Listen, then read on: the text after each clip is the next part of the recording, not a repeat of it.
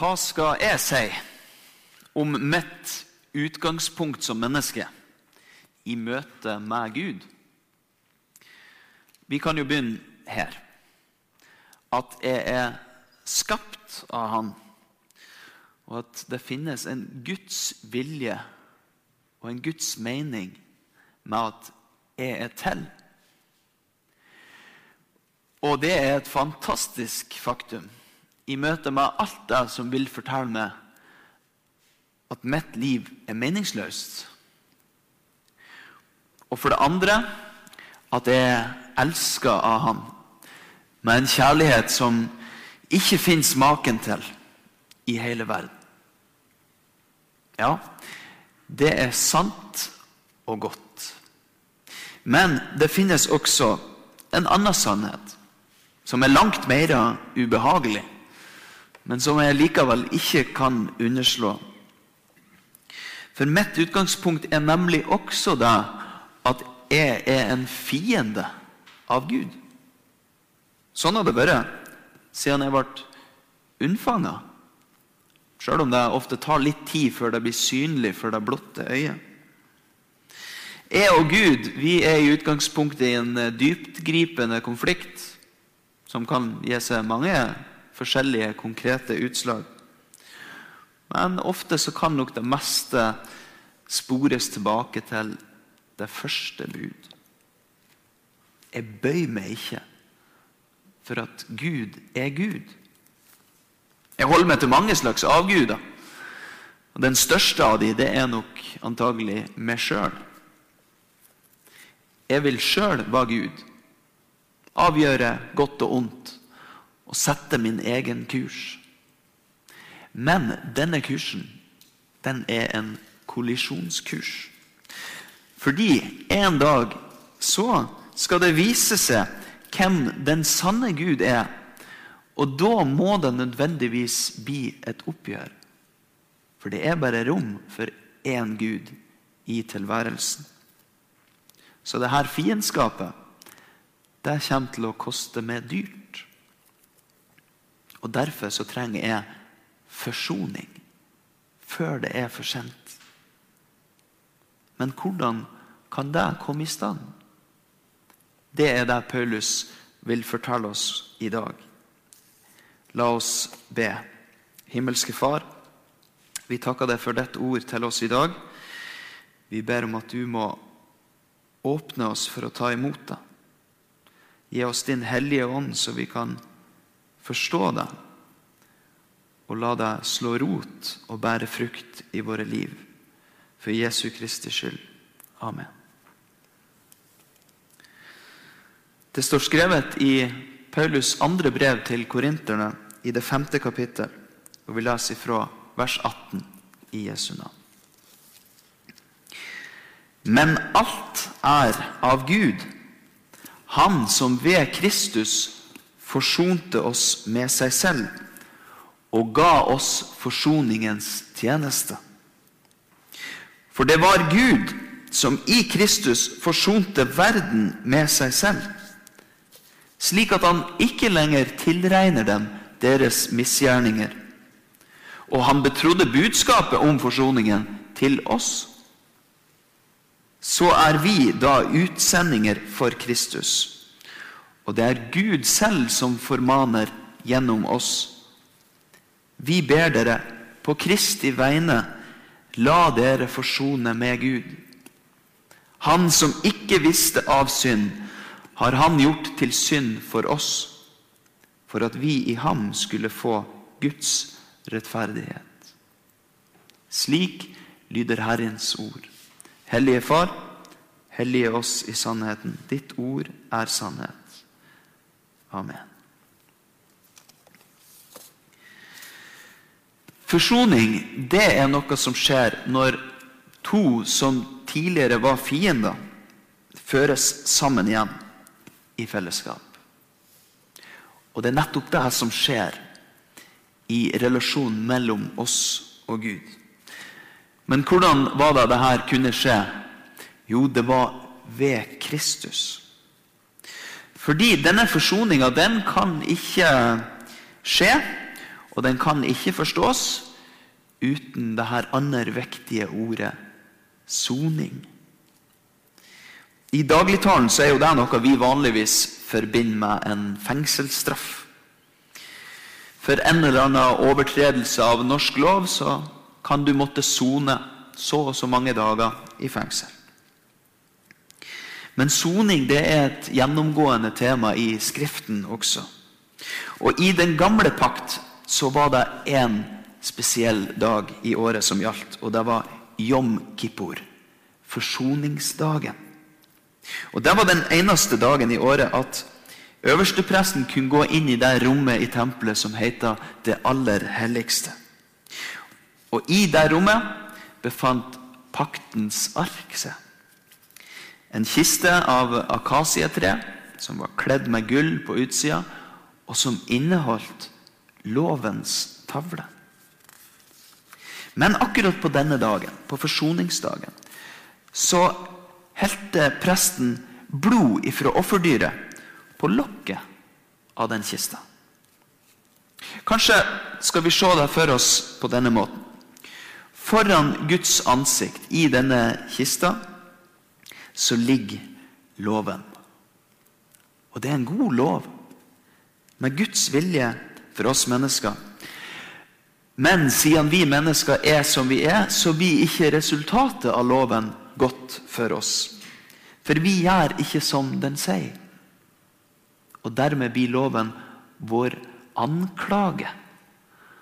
Ja, den blir faktisk vår dødsdom. Men når dette blodet da tømmes oppå lokket, så dekker det over anklagen. Og det som da er for Guds ansikt, det er noe rent og rettferdig i stedet. Når vi som er unge, eller forholdsvis unge, da Når vi synger gamle kristne salmer og sanger, så kan vi noen ganger bli litt overraska over hvor mye fokus det er på Jesu blod. Vi la litt merke til det i den forrige salmen vi sang. Det kan være litt uvant.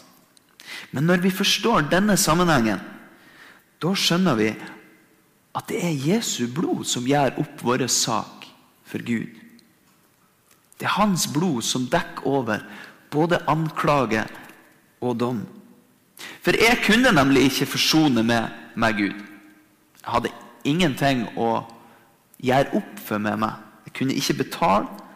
Jeg hadde ikke noe rettferdighet å vise til. Og derfor så er det Gud som forsoner seg med meg ved å la Jesus gå inn i mitt sted. Den dommen som jeg skulle ha hatt, den tar Jesus på seg sjøl i stedet. Hans blod renner og dekker over min synd og skyld. Og det er ganske radikalt.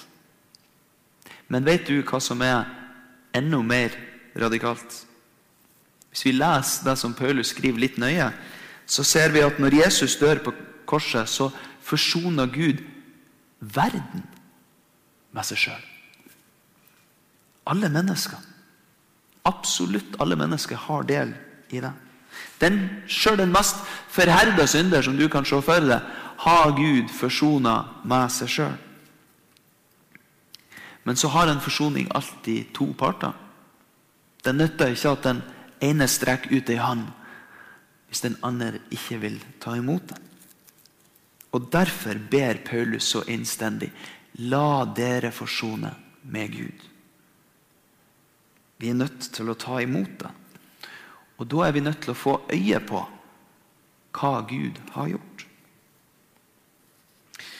Jeg vet ikke om du har hørt sangen 'Tie a yellow ribbon around the old oak tree'. Den er eldre enn meg, i hvert fall. Det er en hit fra 70-tallet. Og Det handler om en mann som har sittet i fengsel i tre år. Nå er straffen sona. Men det store spørsmålet som han nå kjemper med, er vil hans kjære ta imot ham der hjemme. Så han skriver et brev, og så sier han da at hvis jeg er velkommen, så må du henge et gult bånd i eiketreet utenfor huset. Men hvis det ikke er noe bånd på det treet, da blir jeg på bussen, og så drar jeg videre og blir borte for godt. Og Når bussen da nærmer seg, så er han så nervøs at han tør ikke å se ut av vinduet. Så han ber bussjåføren om å se etter for ham. Men når de kommer til huset, så roper alle på bussen at han må se ut av vinduet. For hva får han se? Jo, hele treet er dekt av gule bånd. Og tydeligere kan det vel ikke sies. Du er velkommen hjem. Så hva ser vi da, når vi ser Jesus henge på korset? Ved første øyekast så ser vi kanskje bare smerte og død. For det er det jo helt åpenbart. En mann som er henretta på grusomste vis. Som er blitt utsatt for menneskers ondskap. Men den store hemmeligheten, det er jo når vi får øye på forsoninga som korset er et uttrykk for. Jesu armer som er utstrekt på korset, de er altså et bilde på den faren som står der og venter sønnen sin hjem. Du er velkommen hjem. Det er gjort ferdig. Det er bare å vende kursen 180 grader og komme hjem. Det har kosta dyrt, men den prisen var Gud villig til å betale. Og ikke bare for min skyld, og ikke bare for din skyld, men for hele verden. Og derfor har vi også del i det som Paulus kaller forsoningens tjeneste. For Gud har forsona verden med seg sjøl, men det gjenstår for hvert menneske å la seg forsone med Gud. Og det må vi fortsette med å forkynne. Så er jo problemet bare det at de fleste mennesker de lever uten å være klar over det her fiendskapet med Gud. Hvis de i det hele tatt regner med at det fins en Gud, så regner veldig mange av de med at han er tålelig fornøyd med dem. For de er jo stort sett ikke verre enn andre mennesker. Og Derfor så er det fremdeles viktig at det her bakteppet gjøres tydelig. Vi skal alle fram for Guds domstol, og vi skal gjøre opp regnskap. Og den som på dommens dag vil klare seg sjøl, vil komme til kort. Vi må kjenne til syndens alvor og den dødsdom som følger med det. Og Israelsfolket gir oss et tydelig bilde på det i den fortellinga som vi hørte og leste om fra ørkenvandringa. For de kjente på kroppen den brennende smerten ifra de her slangebittene de var blitt påført, og hvordan det tok livet sakte, men sikkert ifra dem. Og Det er egentlig den desperate situasjonen hvert menneske befinner seg i. Men slik som Gud ga de en slange å løfte blikket mot, så lot han sin sønn bli løfta opp på et kors. Løsninga på slangebittet det var å feste blikket på den slangen av bronse som Moses hadde laga, og stole på den. Løsninga på synden er å løfte blikket mot Han som ble gjort til synd for oss, og stole på Han.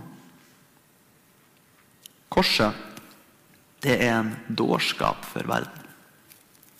Men det er det som er gitt oss å forkynne i forsoningens tjeneste. Og Kanskje kunne det være utgangspunkt for en samtale og et vitnesbyrd når du kommer i prat med mennesker. Hva ser du? når du ser Jesus på korset.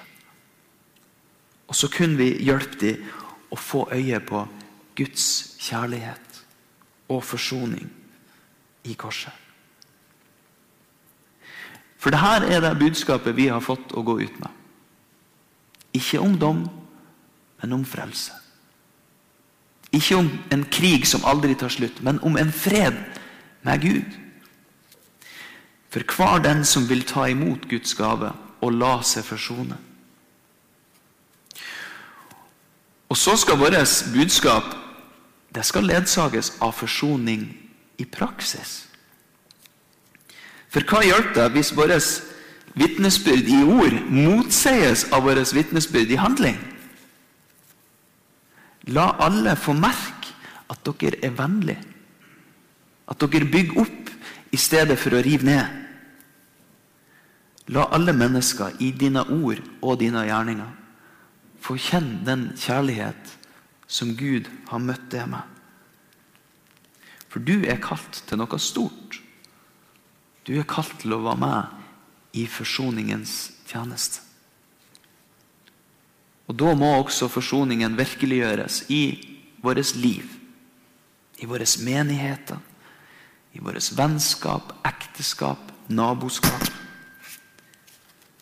For på korset der er nemlig også minna synder mot min neste og min neste synde imot meg nagla fast. Så Derfor må vi våge å slippe Jesus inn i det som er smertefullt. Inn i alt det som finnes av fiendskap oss mennesker imellom. Korset det står planta midt i vår virkelighet. Og da kan jeg få mot til å se min neste i øynene og si jeg har synda imot himmelen og imot det. Og så kan også jeg få strekke ut en hånd til forsoning. Ære være Faderen og Sønnen og Den hellige ånd, som var, er og være skal, en sann Gud fra evighet og til evighet. Amen.